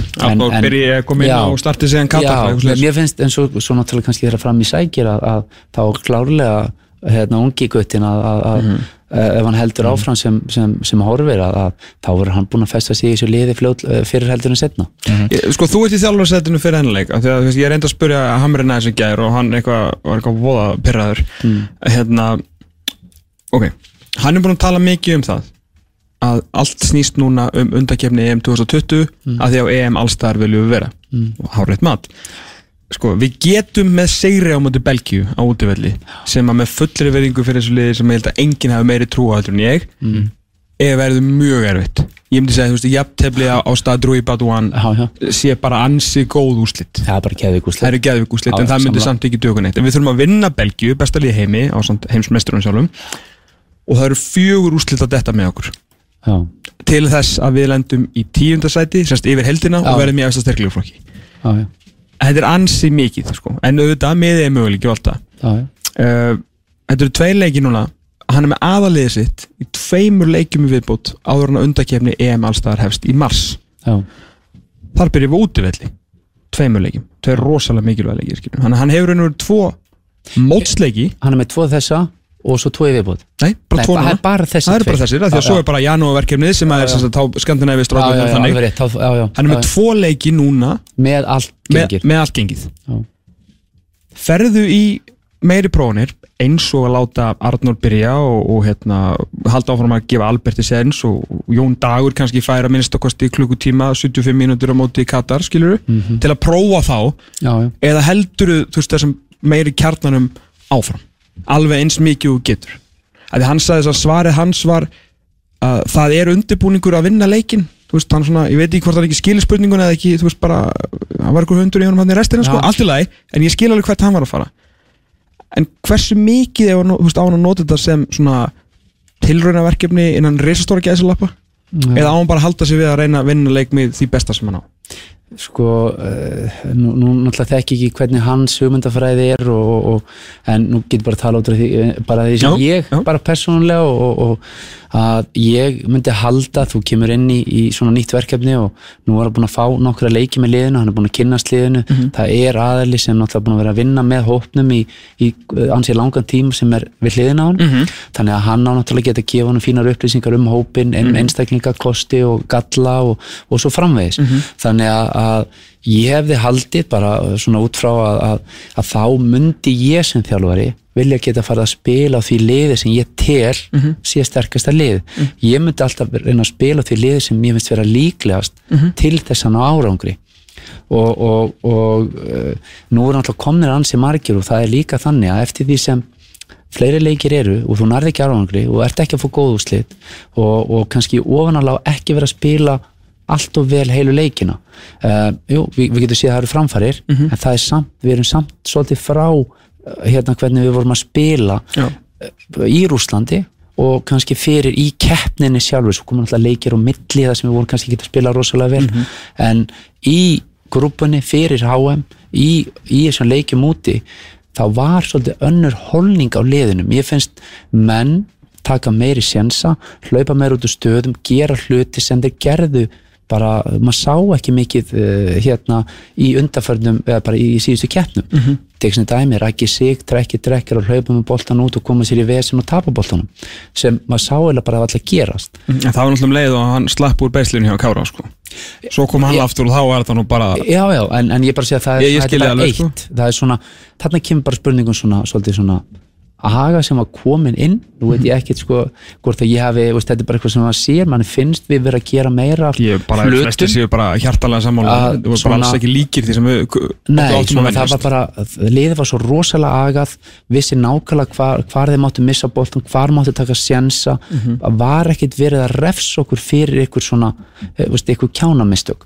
Uh, nú erum við búin að gera meira, það er auðveldar að fara í gegnum okkur, auðveldar að, vinna boltan á hættulegum svæðum og það framöndir. Þannig að eftir það, það, það er það sem ég ætla að reyna að koma að, er raunur það eftir því sem hún far fleiri leiki og það gen- gengur ekki ná í úrslit þá voru alltaf erfiðir að byggja upp trú líka bara í hópnum og þá minkar það alltaf eftir því sem bara það líður lengur og, er einhver á milli sigurleikja að ná í góðan leik pluss kannski úrslit. Að þá, þá missir hann svolítið tröstið í hópnum og er, það er aldrei gott. Að við erum, við erum ekki bara búin með einn að tvo leiki það eru komnið smá og, og þetta eru alvöru leikir. Þetta er ekki eitthvað sem maður getur bara sagt að menn er ekki með hugan við það. Nei. þetta eru alvöru leikir Já. og þú vilt fara út og þetta er plattform fyrir strákan að sína sig að, að geta farið lengra. Því að þú brillir í einhverjum leikjum að það, það hjálpa þér. En, en þess vegna held ég að, að, að fara inn í þe- þennan leikum út í belgum að jú, þetta geta menn hugsa heyrðu, við, við viljum reyna að ná í úslit en fyrst og fremst viljum við fara að bæta kannski framistuðuna svona, svona heilt yfir það er nákvæmlega þú sagðir, við viljum að spila um til ég held þessi í öðru sæti á heimslistunum Ég er bara jafnir frá ekki. þeir eru jafn Já. besta liði heimi Akkurat, þetta er geggja fótballtali með, með frábæra leikmenn í öllum stöðum. Og, og, en enga síður við höfum verið að ná geggjöðum úslitum en við erum alveg átt okkur á því við erum búin að vera í erfiðu núna ströggli eftir HM að við þurfum átt okkur á því þannig þá er svona eðlilegt, þú ferð þarna inn í leikin en þú vilt fá góða framistu, agaða framistu að menn spili hérna vartanleikin mjög vel og, og nýti þá möguleika fram á við sem við höfum verið að gera alveg greiðarlega vel. Og förstum leikatriðum, breyka hratt og gera það rosalega vel. Að, að það er eitthvað að reyna að koma þessari aftur inn þar sem við vorum svo rosalega sterkir í. Og nákvæmlega og þú sagðir að ef allt fellur með okkur að þá gætu alveg farið þarna og náðu í úrslit. En, en, en það, það eh, við getum sagt að, ég hef minni trúiði núna en maður horfir hvað er búið að gerast frá háum bara, þá hefur bara minni trúiði mm -hmm. að því að mér finnst bara að maður sá leikinu móti Sviss leiðu við fengum marka á, á okkur að þá svona einhvern veginn svona svona kvóðna svolítið niður. Saman átti belgunum þetta heima. Mm að við byrjuðum ágætlega í fyrsta, fyrsta kortrið í leiknum en svo kemur mark og þá veginn svona dettur svona botnin úr leiknum. Það er svona eins og bara, uff, shit og, þá, þá er svolítið svona trúin farin. En, en þannig að það er svona myndi ég halda að vera svona, stær, svona staðista verkefni hérna Erik Hamren og, og, og, og Freysa að, að reyna að fá svona það aftur inn að fara að ná góðum leik það sem við bara getum sagt þetta var virkilega góð framist að því ég heyrði eftir leik að við, hefum jættilega getað unni svissarana ég held að það hefði ekki verið sangjart veist, við varum, veist, hefðu við spilað eins og svissararnir spiluðu og við varum rauninu sviss og þeir, hérna, þú veist, Íslendingar þá held ég að við hefum sagt að þetta var fyllilega sangjart og, og, og, og hérna, við hefði þetta að vera stærri. En við bara nýttum ekki okkar en svo náttúrulega skoraði stórkostlegt mark og, og þá verður bara svona pati í restina. Jú, auðvitað við hefum getað jafnað en hefði verið sangjart Manchester United á móti Juventus. Var það sangjart Nei. Það voru algjörir veist, ég var ekki síðan aðeins og, og svo fáið bara marka á sig og svo marka á sig og, og það er bara eins og United hafi verið frábæri Þú veist, það, það er bara annarlið spilaði fótbolta. Þegar það var svona fyrstu fimm minnunar í leiknum þar sem United byrjaði skemmtilega og maður sagði, herriði, vá. Já, veit maður. En, Kom á óvart já, svolítið? bara gaman, en svo jafnaðist aðeins fyrirhálugur en samt Juventus mun betri Mhm. en ekki yfirbyrðir algjörur yfirbyrðir sennáleik og mm þú getur, þarna getur svona farið eftir og sagt, herðu við fáum 2-3 fáránlega færi. Við þurfum að klára leik, loka leik. Já. að þú ert að spila á mútið heimsklassa leikmannum þau getur alltaf refsa en, en, en ef þú myndir að horfa framistuna þú getur sagt, hann getur farið inn í Juventus-skriðan og sagt, ef við heldum þessu áfram og erum með meira efficient að nýta þá, þá klárum við leiki Mhm. hvað getur Mourinho sagt, ef við höldum áfram að vera svona hefnir þá náum við stiga það þessi framist það var ekki þannig að þú getur sagt við getum byggt Nei, nokkulega þannig að það, það er líka svolítið að, að því að þetta er svöldunum trúarleika sem þjálfari að tala við hóp. Ef þú nærið í úrslit og ert rosalega heppin átt bara ekki skilið og bara segja að við getum byggt honum þetta þá þurfa menn sem stundum að fara í naflaskoðun og segja, veist, hvernig framist það gaggrinum framistuðuna, ekki úrslitin. Nei, nei. Það er nefnilega oft og að því að oft hefur íslenska landslið undanfæri bara verið með frábæra framistuðu og ná líka úrslitum það er ekki bara einhver hefni Nei, það er bara góð framistaða og það er svona, svona við þurfum núna svolítið bæði. Mm -hmm. framistaðan að batna og úrslitum þurfa að detta. En svo er náttúrulega ekki að fótboltinn bara svo, svo fyndin sko, að hérna, náttúrulega ákallið um ungu leikmennina og svona einhver kynsluaskipti náttúrulega hófst í raun og veru veist, út af þessu 6-0 skellarna í Sviss sko. Við erum svo fljóta einhvern veginn öll sem eitt, í öllum íþróttum öllu og öllu samfélagi að einhvern veginn að fara bara strax í, bara breyta öllu sko, og þannig. Já, já. að hérna, má ekki gleyma því að uh, gullkynnslóðin mest megnis og svona þessi bestu leikmenn okkar eru fættir árið 1990 cirka bótt, þannig að þeir eru 30 eins og skamli og hérna uh, sko, Já, það eru fimm mánuðir í undakefni og hver veit nema að uh, þessi menn hætta meiðast og, og gefi Erik Hamren uh, tækifari á að nota sitt besta lið. Já, Þannig að, ok, þú veist, er þú veist, Al menn vildi fá Albert aftur inn, hann er komin inn, besta mál, Arnó Sigurlóksins valinn, Jón Dagur var í, í hópnum undan því og þú veist, það eru, Samúl Kári Samúl Kári komin að Hjörtur Hermannsdóttin líka og svona, þú veist, það eru ungi menn já. í kringum þetta. En, ef allir eru heilir, eftir fimm mánuði, þegar við spilum við, þú veist, eitthvað vels eða eitthvað útvelli, mm. undan kemniðum, þá er ekkert loku fyrir það skoti að það verður bara fasti leiður eins og vennilega. Það verður bara Birki Kári, Raggi Hörður, ég myndi halda að Birki Bjarnar, þú veist, hans dagar á kantinum, ég vona það að þeir séu taldir. Þannig að Birkir og Emil kannski róteri með Aron Já. Einarinn á miðju, Jóberg Hæramenn, Gilfu og uh, Alfred frammi og þá er kannski einlaug staða í einhverju nýju innan gesalappa liði Erik Hamren fyrir þá kannski Arnór Sigursson eða Albert eða, eða bara þú veist skilur Rúna Már eða eitthvað þannig að það verði að breytingarnar á endanum verði ekkert að mikla því að hann hefur ekki ennþá fengið séns til að spila með liði sem búið að fara á tvö stórmót og ætlar á það þriðja. Nei, nei, að ég, þegar EM 2020 rennur í garð þá eru bestu leikmennir í liðinu kannski fyrir utan Kár Hátnarsson sem verður vissulega gamall en verðist alltaf að vera eilífur til allra hemmingju og hann er stór Halldórsson 84 mótil að þá er svona korið bara þrítút sko.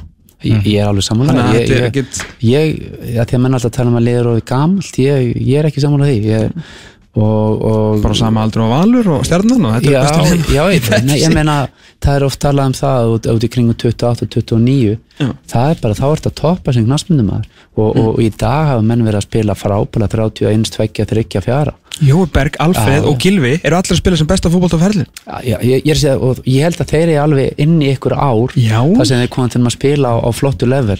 Uh, svo erum við með við getum sagt, þú ert með Birki þú ert með uh, Kára það, þessi tveir eru, eru, eru svona, svona spurningamarkja þegar þeir eru farnir að eldast Ég held Birkjum að sæða sem verður þetta bara Já, 250, vísu- sko. vísu Ég- Það skilur svona- enginn hvað er í gangi þar sko. Nei, en, en, en svo er spurning sko, hvað gerist að, að, að vera komin heim veist, að, að vera ekki aðtunumæður og þurfa að fara að vinna og gera veist, en, en hann virðist bara vera einhvern veginn, uh, öðru sér gerður en við flest, að, að hann er bara náttúrulega fitt Já.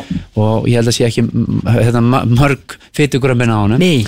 og getur bara hlaupa, hlaupið endalaust og, og, og svo Og hefur bara hann bara varist, veist, hann bara góður varnar. Já, eh, svo, svo er annað, ekki það mér, mér, mér fannst hann, sko, fyrst þegar hann kom inn hérna í, með val þá svona átti ég vona kannski aðeins meiru en svo fannst mér að stíga rosalega hérna upp og, og sína hva, hvers hann er megnur og, og, og hann átti stóran þátt í því að þeir löndu þessum titli. Mhm. og, og, og mér hefur alltaf fundið sko þegar hann fer í landslið að þá stígur hann ennþá meir upp. Mhm. og hann spila á mjög bestu kantmennum í heimi og, og, og hann heldur þeim alltaf niðri. Það er aldrei neitt vesen. Og svo er annað, svo hefur hann verið að standa sér bara vel fram á því. Skila boltanum vel frá sig, krossa boltanum vel fyrir. Þannig að, að, að ég sé ekki neitt svona eh, ef, ef Birkir heldur sér bara í standi sem er að fara að, að slá hann út. En þá er það spurning um Kára.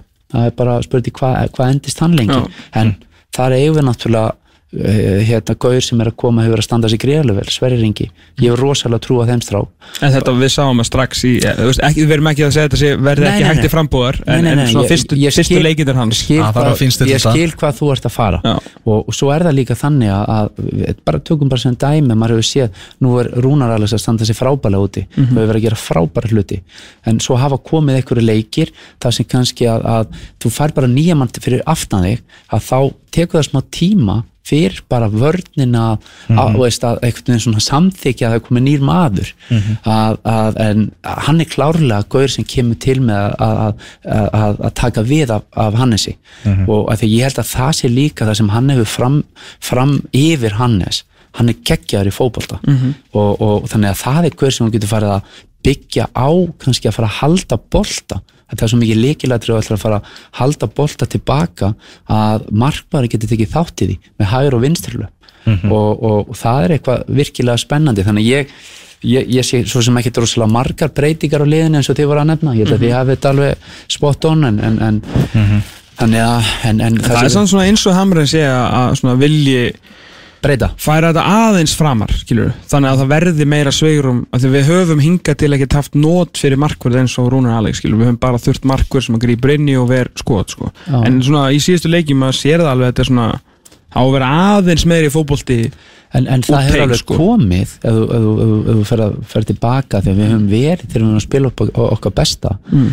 þá höfum við alveg náð að halda boltan eins og tekið smá, en svo þurfum við þurft að senda tilbaka að, út af því að hann er búin að bæta sér já. en samt er það þannig að hann líður ekkit vel og, og, og þá er það oft þannig að þá bara blastar hann boltanum fram en leiðu kannski farið mann hérna tilbaka ef við tókum bara marka, markmannin hérna heima Mhm. þá var unun að horfa unun á þegar þeir voru þegar við varum að reyna að pressa þá að það var aldrei henni pressa hægri vinstri Nei. það var bara sendt upp niður og svo Mhm. kom bara langubolti Og- en hugsa ykkur bara muni það út að pressa upp og svo bara spilar þau út úr pressunni með markmannum og hann er með frábæra 30, 40, 50 metra sendingar Mhm. og þá ertu bara komin allt annar stað og, og, og þetta höfum við ekki haft. En ég sé þetta hjá Rúnar Alex. Og, og þekkjandi, þekkjandi líka bara hvernig einstaklingur hann er. Hann er svona tökum uh, hérna Arnur sem, sem er Arnur sig og, og Gilvi, hann er með þetta element. Þannig ég held að hann er bara eftir að bæta sig. Þannig að það eru konni með svona nokkra einstaklinga þarna sem eru framúskarandi svona atvinnumenn. Og, og, og því, því fleiri sem við fáum að þeim mun meiri líkur á því að, að, að það verður mentaliteti í hópnum og það sem hefur verið. Út, út af því að við erum aðalmannin hann Gilva sem er með framúskarandi hérna höfafar að þá dregur hann allan hópin þanga það er svo mikilvægt að, að það sé til staðar Síðasti punkturinn varandi landslið, það verður við förum í, í annað og kannski þennan hóp, náttúrulega ekkert Gunnþór, hann snýr aftur í, í landslið, Já. maður held að hann myndi bara ekki koma aftur, en hann fær hérna tækifærið. Uh, Já, við vorum, þryggja manna döiði hlýtur að vera annars brauð en, en talandi einmitt- einmitt um það, við vorum að ræða líklega byrjunarlið, þá voru spurningamerki á köntónum, spurningamerki á miðjunni, jafnvel spurningamerki hægri bakverði, uh, Theodor Elmar Bjarnason er ekki í hópnum. Þetta Nei, hlýtur að segja bara, við glemtum að spurja þessu ekki, það spurði enginn að þessu. Þetta hlýtur bara, þú veist, og hann taldi upp hverju voru mittir Já, Erik Hann er ekki meiddur. Hann er ekki mittur þetta, þetta hlýtur að segja manni það að með við forföllina hann er bara, hans nafni dottið af borðinu hjá, hjá Erik Hamren já ég, Þú veist, það er ekki hægt að segja hana. Það er bara gefið. Já, hann er allavega komið svolítið aftalega. Já, hann sé Ef alltaf hann er ekki í þessum hóp, það eru, eru Ég er sammála því. Það er- það var bara- Og Nema þess að í hans stöðum, sko. Já, já, já, við, við gefum okkur það þegar við ekki glemt honum. Einmitt. Ha, Hann er ekki að nýstillu með sér hægri bakverði það er alveg rétt. En, en uh, var ekki Eggert Gunnþór spilaði hann ekki uh, 2011 með Jú, uh, jú. hérna U21 Hann er hluta gullkynnstunni já, hann var þar já. hann var þar í, í, í hérna einhverja leiki sá ég, þá held ég að hann spila hægri bakur. Ég held að segja rétt hjá þér þegar Skúli Jón Friðkesson var besti hægri bakverðin okkur þessum tíma en hann satt upp í stúku eða reyndar átt að setja upp í stúku það til að Egil Sverrisson að það til að honum var sagt að sérst, í, á stormótu mega allir vera á bekknum. Þannig að hann og, og þriðimarkurinn komu sérst niður. stúkunni. Veitu hver, það var, það var Jón Guðni og Holmar Hólmar, Hólmar, sjálfsögðu. Hörn. Jón Guðni og Hólmar og Egil Já, Guðnþóri hægri bakverði sko. ég fór hérna sá leikinu mútið Sviss. Hérna í, var það ekki Árósum eða eitthvað, ég man ekki nákvæmlega. Það er í Danmarku allavega? Það var í Danmark, ég svo held að var Árósum. svo mikið veit ég Já, Álaborg. Er Álaborg. Var þetta þú varst þarna ekki? Já, já, Já, það var Jótlandi, eða það er Jótlandi eða ekki? Jú, Ég er svo ekki. eitthvað sér landafræðinni. Ha, Ég er ekkert mikið skári Þannig að ekkert að- ekkert að Helga Geir og Tómas Þór með okkur á X-inu Arna Gretarsson Sittur hérna hjá okkur. Arnar Ára við Sleppu er Akkur er þetta ekki að þjálfa? Já, uh, akkur er ekki að þjálfa? Já, ég Já, það er, Langur tími sem þú varst með okkur í höfstildinni já, það er svona stundum bara svona axla sluti svona. Það, ég, ég er náttúrulega reikinn hvað 2017 í byrjun. Og, og þá voru svona kom eitthvað inn á borð fyrir 2018 tíðanbili um, sem ég svona íti til liðar þannig að ég held að væri kannski eitthvað svona meir, meira spennandi bitar Hvað var þá að vera að bjóða? Inkasso eða? Já, það var raunur inkasso, uh, inkasso lið og svo hefði getað farið til Færaja og, og svona, svona sitt litið en, Ég held að allir vildu fara til fyrir heitan landsins já, já, já, já, eftir að heiminn er búin að- að að svona opna gluggan þar sko. Jú, jú. Uh, en að- allavega að, að uh, það er náttúrulega bara þannig. Þú stendur alltaf fram fyrir að taka ykkur ákvarðanir og, og maður þarf að standa og falla með þeim. Og, og þeim tíðanpónti fannst mér verið eitthvað annað meira spennandi í, í bóðstólunum sem var ekki og, og, og svo kemur bara í ljós það var ekki neitt annað. Þannig að þá situr maður bara eftir. Og, og svo núna eftir þetta að þá uh, held maður nú kannski að það væri myndi nú kannski verða svolítið eh, um, um einhverja svona uh, já, einhverja hrókværingar sem voru nú eitthvað.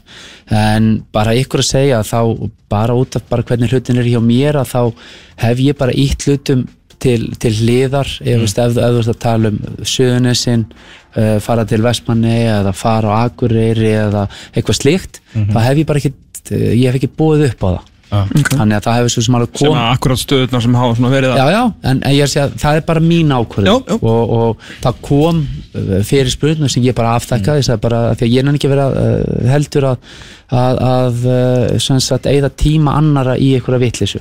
Og, og reyna að búa til eitthvað sem kannski er aldrei til staðar. Þannig að þá bara afþakka ég og sagði að ég hefði bara ekki út, út af bara minni fjölskyldu og bara, bara persónum ástæðum að þá kem ekki til að gera- til að reyna og, og þá ef maður tekur hér uh, það sem eftir var uh, þá var það í efstu deild þá var það vikingur eða ekki? Mhm, Það er bara Og- eina sem er eftir. Já og uh, ég, ég spjallaði við uh, ákveðna aðla þar svona uh, á einhverju, tímapunkti og, og, en svo taka þeir bara eins og ég, ég, ég, ég sagðist alveg hafa áhuga á að að, að, að ræða það frekar.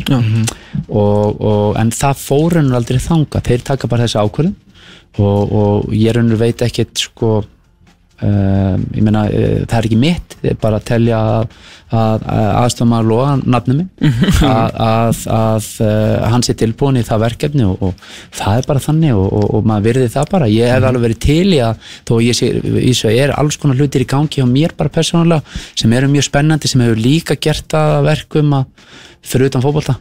Að ég hef ekki verið að, svona íta verulega á hluti. En það, ég, ég, ég var alveg spenntu fyrir um, fyrir Viking, ég hefði alveg skoðað það. Mér fannst það vera, talan ekki um þegar ég heyriði það að þeir var að fá gerfugras þá var ég, það svona ítti undir fyrir mér að, að, að þá gæti maður gert flottar hluti, að ég bara veit að, að, að ég alveg, sá alveg hvað Mílos gerði á sínum tíma þegar hann var aðna að, að þeir spiluðu mjög fína fótbolta, var það lið sem þegar ég var með blíkan hvað erfist að spila á móti bara að halda bolta. Þá var það sem held í við okkur. Og, og þannig að ef mann er að gera hluti rétt þá er hægt að gera flottar hluti. Og með gerfugrassi þar og, og þeir hafa nú hingað til verið svona alveg þokkalegir að, að, að sækja leikmenn og allavega sínt það að, þannig að það var alveg möguleiki. Þannig að ég hef alveg skoðað það verulega. En svo taka þeir bara þessi ákvörðum maður bara verið það og vona bara að nafnamjörnum gangi vel og, og það er svo sem ekkert bjart þegar maður sér hvað er að gerast núna. Þeir eru að missa tvo stráka sem eru mjög flottir og, og, og, og það getur vel verið að það sé kannski peningavandamál eða ég, ég veit það ekki en, en, en þeir þurfa hans að spýti í að, að, að þurfa að bæta hans í hópinn og, og, Arnar náttúrulega hefur mikla þekking og fótbolta mikla reynslu og vona náttúrulega bara innilega að hann nái að kannski að setja vikinga kannski á, á betri veg Mhm. af því að mér fannst vera svolítið strögglaðum í fyrra.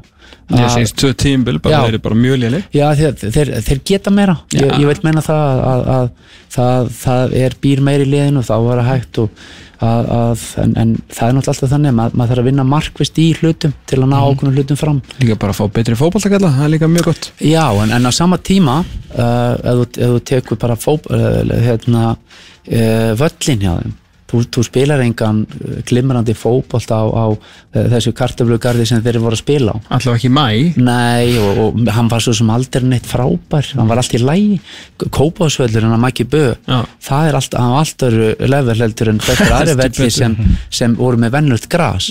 Og það er svo völlin sem gætt keftið gerðvigrasin basically. Og, Þegar kep, og hann og Keflæk svona, já, já, já, sko. já, en það er ekkit margir aðrir og, og þess vegna ég er, ég er ekki gerfikar smaður en út, út frá því hvar við búum mm. hvar Út á, þess vegna vill ég fá gerfikras hingað inn og ég helst vilja sjá það að öllu færa á gerfikras og væri flóðljós. Við myndum reyna að lengja tímabilið og ég held að það myndi hjálpa okkur að ná lengra þess að við sjáum bara hvað valur er komin hvar þeir eru, þeir eru að keppa við lið virkilega bara svona aðeins að höggva í að komast inn í grúppu og, og þeir eru að bara ná ákveðnum foskoti út frá aðstöðu og svo náttúrulega jú, hafaði peninga og ná í góða leikmenn. En þarna sjá bara hvað er hægt að gera með það að vera með topp aðstöðu. Og það sem mér finnst svolítið svona leðilegt að sjá að þegar eh, félag er að skipta og fara yfir gerfugras að menn skul ekki huga því að vera með sprinkler system í völlunum eins og valurum Já, það er heiminn og haf að spila gerfugrasi þurru eða blöytu þá er ég bara að tala um meðslalega séð og fótballtalega séð. Og ef við fyrir ellendis, við sjáum bara venjulegt gras allir vellir ellendis og bestu, það er allir bleittir. Það er bara, það er ástæða fyrir mm boltinn gengur miklu hraðar og það er þetta miklu skemmtilegri samleik og, og, og, og hraðin í leiknum verður miklu meiri. Og þetta er bara eitthvað sem bara uh, fóristan hérna heima ánáttúrulega taka á þegar það er verið að uh, skipta um gerfugrus að það þurfa náttúrulega að vera aðila sem hafa þekkingu til þess að segja fólki hvernig er að gera hlutina. Við veist að grátlegt að, sjá það þegar vellir eru ekki, það er verið að byggja velli og þó að sé æfingavellir. Vi- við erum með ótakmarka vatn. Mm veist, ég meina, ég skil þetta ef þetta er kýpur það er, það er vaskskortur en, en hér, það er ekki vaskskortur þannig að gerum þetta almennilega við erum þetta upphitta, jú, jú, það kostar aðeins meira. En það er, það er, hérna, það er eitthvað sem, sem en borgar sig sko þegar fram í sækir, engin spurning. En ertu búin að, þú veist, að því að út af aðstöðu þinni persónulega og með við bara hvar, veist, liðin sem eru í bóði og síðan ekki í bóði að nú er hérna, veist, ekki nema að vikingur, hérna, fatti það á einhverju tímpúti þegar þeir ráða ránganarnar uh, ég meina, þú veist Gústi Púst er að gera toppluti í, í kópavóinum og hérna, maður kannski veit ekki alveg á einhverju tímpúti kemur einhver endur koma skiluru hjá, hjá þér þar, vantarlega Rúna Páll er bara gerneldur á stjörnunni Rúna Kristinsson náttúrulega á KR Ólaður Kristjánsson er ekkert að fara frá FH þannig að það er ekki margir möguleikar svona í bóði fyrir þig, þannig. Ná, með við þú veist bara stöðuna hjá liðunum og svo stöðuna hjá þér sko, ef að þú vilt svona fara komið aftur inn í þetta. Já, já, enda ég hérna ég horfi kannski ekki beint á, á, á, á, á hlutina þannig. Ég, veist, jú, jú, auðvitað horfir eins og segir að þegar að liðin eru, að leikminn eru eða þjálfar eru að standa sig eins og þú nefnir að menna á að vera að gera fína hluti og, og uh, leikilættir bara, veist, eins og verið sjálf á mig. Ég hef verið að horfa núna að, að uh, fara í, í, í prólæsinsið Já, og, og klára það og, og það er bara ímislegt í gangi. Jú, auðvitað ég átt að mála á því að maður ætlar að fara í þjálfun eins og staðan er núna. Það þýðir ekki að setja bara og býja hér ég vil bara fá stjórnuna, ég vil bara fá val eða káur eða, eða breyðablík eða eitthvað. Uh, hérna, það er ekkert svoleiðis en það ég eins og ég segi hér áðan ég var alveg tilbúin að, að, að skoða hérna uh, vikinga að því að ég talaði við að ég væri, hefði áhuga en, en það er náttúrulega þannig að þegar maður hefur áhuga þá vil maður fá að vita hvernig er staðan mm -hmm. veist, í- út í hvað maður er að fara. Veist, hver, hérna, hver er fjárhagsstaðan? Er, er við endurist í hérna, eftir með greiðslum með allan leikmannhóp með brálaðan eða, veist, og, og þá stundum bara þannig þá þarf stundum bara að gýra niður gera það sem er, er hægt að gera. Ég var mjög ánar að heyra nafna minn hérna segja að, að, að leggja meiri áherslu á aðbúnað og gera hluti allt í kringum liðið, gera það betra. Ég, ég, ég er svo hjartalega sammálunum og það er eitthvað sem ég held bara svona fleiri lið en, en, en eh, ættu kannski að taka sér til fyrirmyndar ef, ef þið fari í það. Þannig að þetta er mjög algengt erlendis að staðan fyrir kannski að bæta aðbúnaðin og gera hlutin aðeins betri þá eigða þið fleiri aðeins meiri peningi að ná í einhvern leikmann sem þeir halda muni uh, gera gæfumunin en svona í frammi sækir að, að þá held ég að, að eigða í aðbúnað uh, völl og allt það, þar kemur, ég veist, við tökum bara aðstöð fyrir leikmenn, að nú er allir öllu með þvott með, reyna að vera með ofta með mat eftir æfingar og, og næringu eftir æfingar, þetta kostar allt. Já. að, að frekar að fara í eitthvað, eitthvað að þessu leið. Bjóða leikmannum upp á æfingar á, á, á mótnana, aukaæfingar eða hvað sem það er. Að einstaklingsmiðaðar æfingar að þarna getur þú tekið fórskot auðvitað er náttúrulega betra og getur líka verið með uh, hérna, auki peningana og keft við stærri liðin Jú, jú. en menn þurfa alltaf að bara hvar, hvar eru við? Það eru fáið sem geta keft við val peningarlega það er bara staðurinn Staðurinn, já. FH hefur hingað til að vera mjög mikla peninga og virðast ennþá vera geta hérna, náði mjög mikið af leikmunum uh, maður sér núna að káringarnir hafa aðeins verið að draga úr þar sem þeir hafa vilt verið það lið sem hefur tekið staðistunöfnin en það er endur ekki alltaf best að fara endur í staðistubitana það er að fara í réttu bitana. Einmitt. og, og mér finnst allavega það sem Rúni hefur verið að gera þeir hefur verið að gera, mér, mér finnst þetta ekki vera vittlust en svo, eins og þér sögðu rétt til að það hafa svo sem ekkert jú, leikmaður sem var að sæna við val Kai Leo, flottu leikmaður. Þannig að, þannig að hér heima varandi, varandi hérna, þjálfunan, varandi sjálfa mig auð, auðvitað vildi ég vera kannski komin inn eins og staðan er í dag. En staðan er bara eins og hún er og þá þarftu bara að horfa á það. Ég hef ekkert verið núna síðast ári að, að, að einblína á einhverju ákveðin lið, ég alls ekki. Ég hef bara verið að skoða og hef bara verið nafnarskoðin hjá sjálfum mér og, og, og ekkert, ekkert annað. En, en ég er heldur ekki, þetta er bara svolítið skrítið líf að vera án fótbolt alveg frá því ég man eftir mig, bara ég var lítið gutti heldandi hérna bolta hjá bræðurum mínum.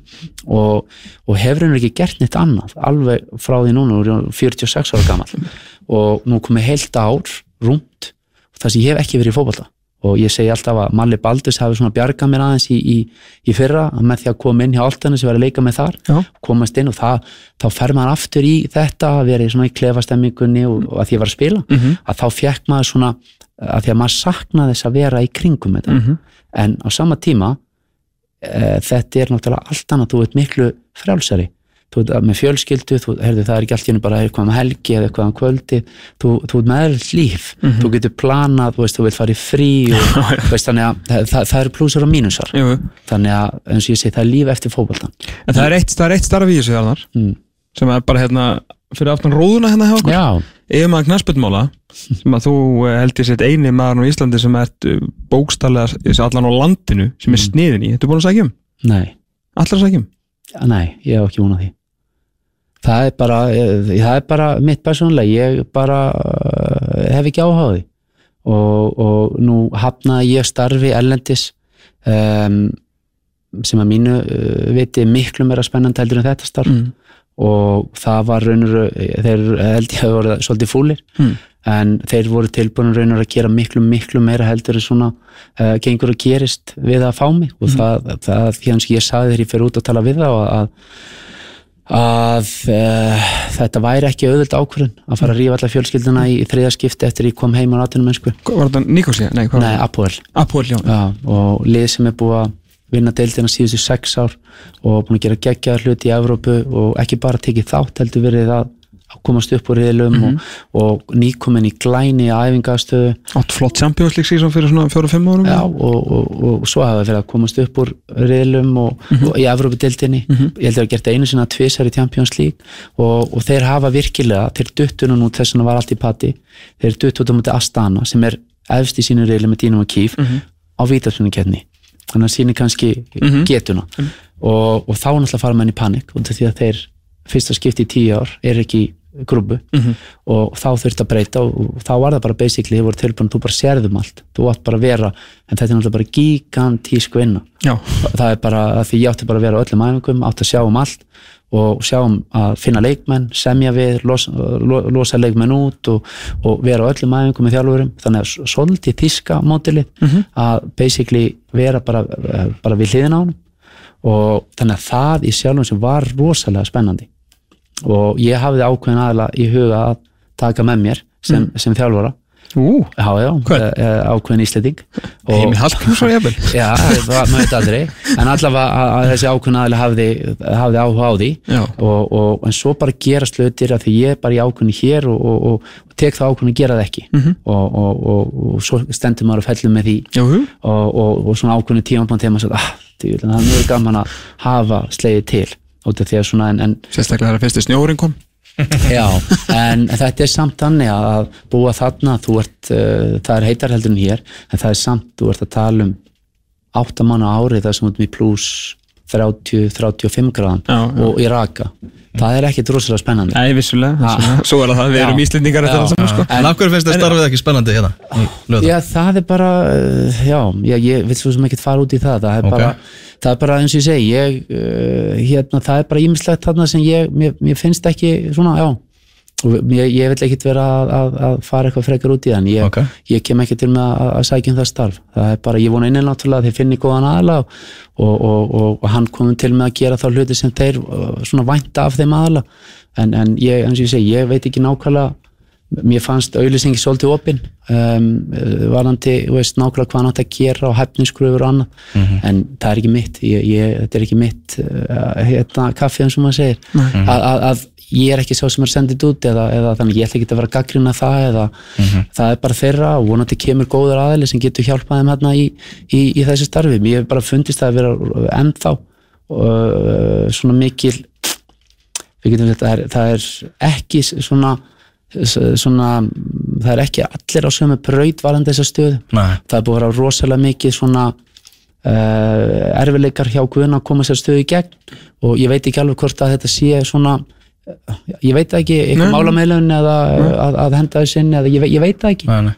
þannig að, að, að, ég vona bara innilega að, að, að það komi flottu kandidat þarna inn og, og, og, og, og það sé alveg skýrt hvað hann er að gera og menn verði ánæði með það. Þannig að við þurfum bara á því að halda að bara fyrir, fyrir íslenska knarsbyrnu að, við höldum áfram að gera það sem við erum að gera við erum að gera mjög flottar hluti og, og, og, og, og hérna það er bjart framöndan hérna en, en það eru samt hellinga hluti sem við getum lagað og gert betur Mm. Getur þessi stað að hjálpa til við það?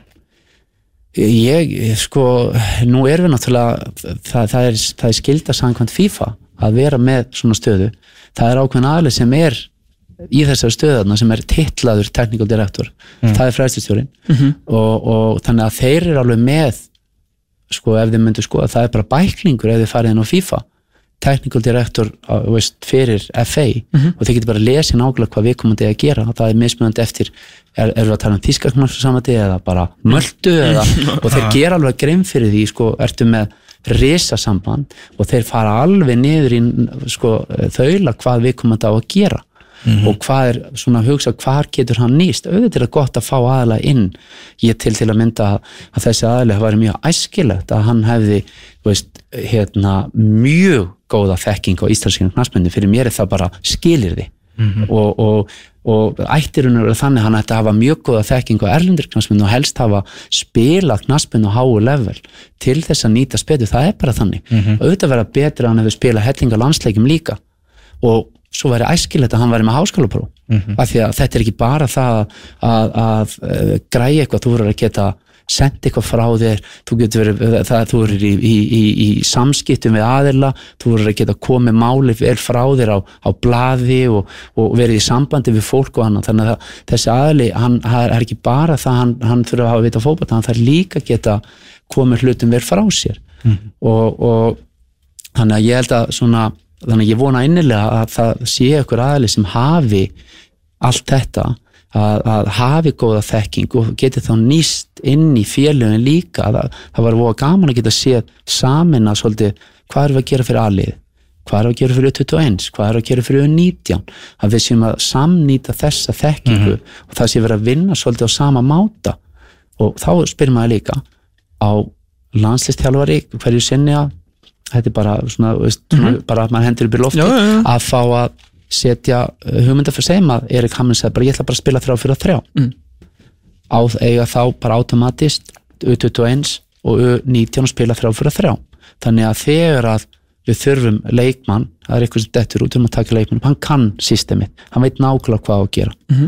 eða ætlar íslenska landslið að setja upp sína eigin hugmyndafræði og segja við viljum spila 4-4-2 eða 4 2, 3, 1 eða, og þetta er okkar hugmyndafræð, þú kemur hingað inn þetta eru við búin að drilla mjög vel þetta kunna allir, það eru allir hér meðveitar en þetta, þetta er bara svona spurningar, erum við búin að fara í, í þetta hvar eins og erum við? segir, Þetta er mjög svona opið hvernig á að gera þetta núna? Já, nei, ég er að segja, þetta er bara svona, svona pælingar sem ætti þá að vera fyrir þennan aðala sem hef, kemur þá með þekkingi í, í sambland við, við stjórn og annað, það, það, það er ekki rosalega margi klúpar í heiminn sem eru með ákveðið identity, bara hvað, fyrir hvað þið standa, en það eru ákveðin klúpar sem er alveg, bara þú kemur inn í þetta umhverfi En Og- hver getur tekið við? Ef þú veist, ég meina, þú veist, á þess að meina, ef ekki þú sem ert, ég, meina, ég, ég voni ég fær ekki bara átt Ég meina bara, maður sem sinnir þessu starfi þarf vantilega að vera búsættur hér á Íslandi. Ég held bara, að það eru tveir aðri fyrir ekki að, þú veist, það eru tveir aðri sem að hafa eða eru að sinna svipar, svipuðum og nákvæmlega sem samastarfi það er þetta Gretar Rapp Gretar Afn, hann er ekkert að koma frá Nei, Fleet nei. Food, hann er að Nei, gera ævintil hluti þar. Já.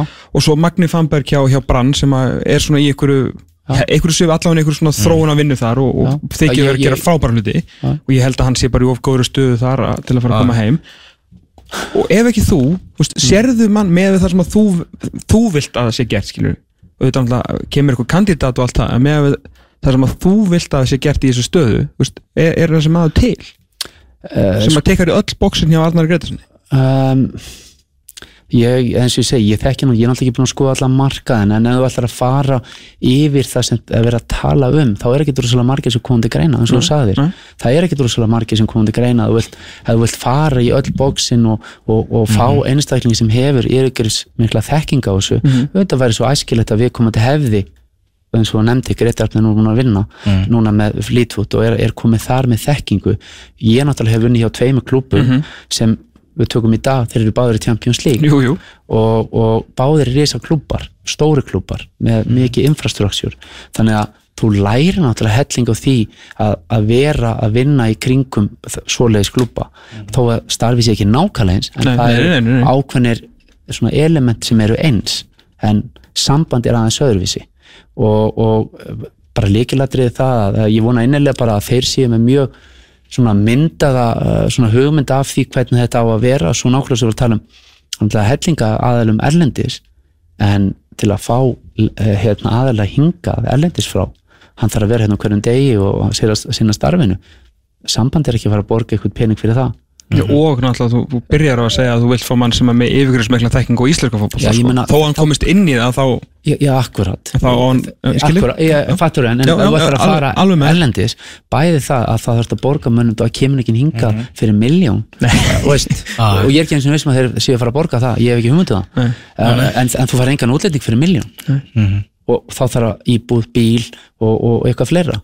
Þannig að og flug náttúrulega endalust það svo sem Já, aðstænd það skiptir já, ekki- já, ég en, skil en, hvað þú en, bara, já, veist, já. þannig, að, þannig að ég, uh, ég ég bara veit að ég held að en auðvitað er náttúrulega held líka fólki hérna sem, sem, sem hérna, hefur þekking á íslenski já. hefur spilað knastbyrnu og, og getur þá komið sér bara inn í hlutina og, og vinnu sér inn og mm fæði sér þekkingu og, og, og þá er alltaf spurning sko, ef þú ert komin í einhverja líkilstöður ef þú ætlar að láta ykkur fá hérna bara tökum landslýsjálfura að, að uh, sem geta þá unni sí að verða góðir. En, en þú ert koni ákveðnar svona líkistöðu þá viltu fá okkur sem hefur búnan árangri. Þess vegna fær hann þessu stöðu. Einmitt, þú færð ekki einhverja líkistöðu út af því að þú gætir hugsanlega orðið rosalega góður. Yfirleitt er það þannig en, en, en, en, en stundum þetta er náttúrulega nýtt þannig að þeir þurfa einhverju tímapunkti þarna þurfa einhvers þar að byrja auðvitað þannig að, þannig að, að það var svolítið gaman að sjá, sjá hvað kemur Fróðið að það er umsóna frestur til 15. nóvember. Ha, Hvað er mikið eftir þessu? eru þið búin að segja um? Nei, ég er ekki með Júfa A sko Annars myndi ég rúla þessu upp Ég hef engar, Við engar prófa að sækja um. Kannski ef ég verið eini Þið hafið allavega mikla þekkingu á fótbolta. Já, við, við tekum allan í eitt box. Já, já. Arðar getum haldið hérna í allan dag og fram á morgun en hérna ætlum loksins að sleppa Takk hjálpa fyrir komuna, hrikalega gaman að sitja með þér eins og alltaf. Sumulegist strákuminir Við höldum áfram með draugna blik. Binni Hlöð, eitt besti leikmaður færesku úrvarsdeildarinnar betri deildarinnar reyndar, hann situr hérna með okkur eftir augnablík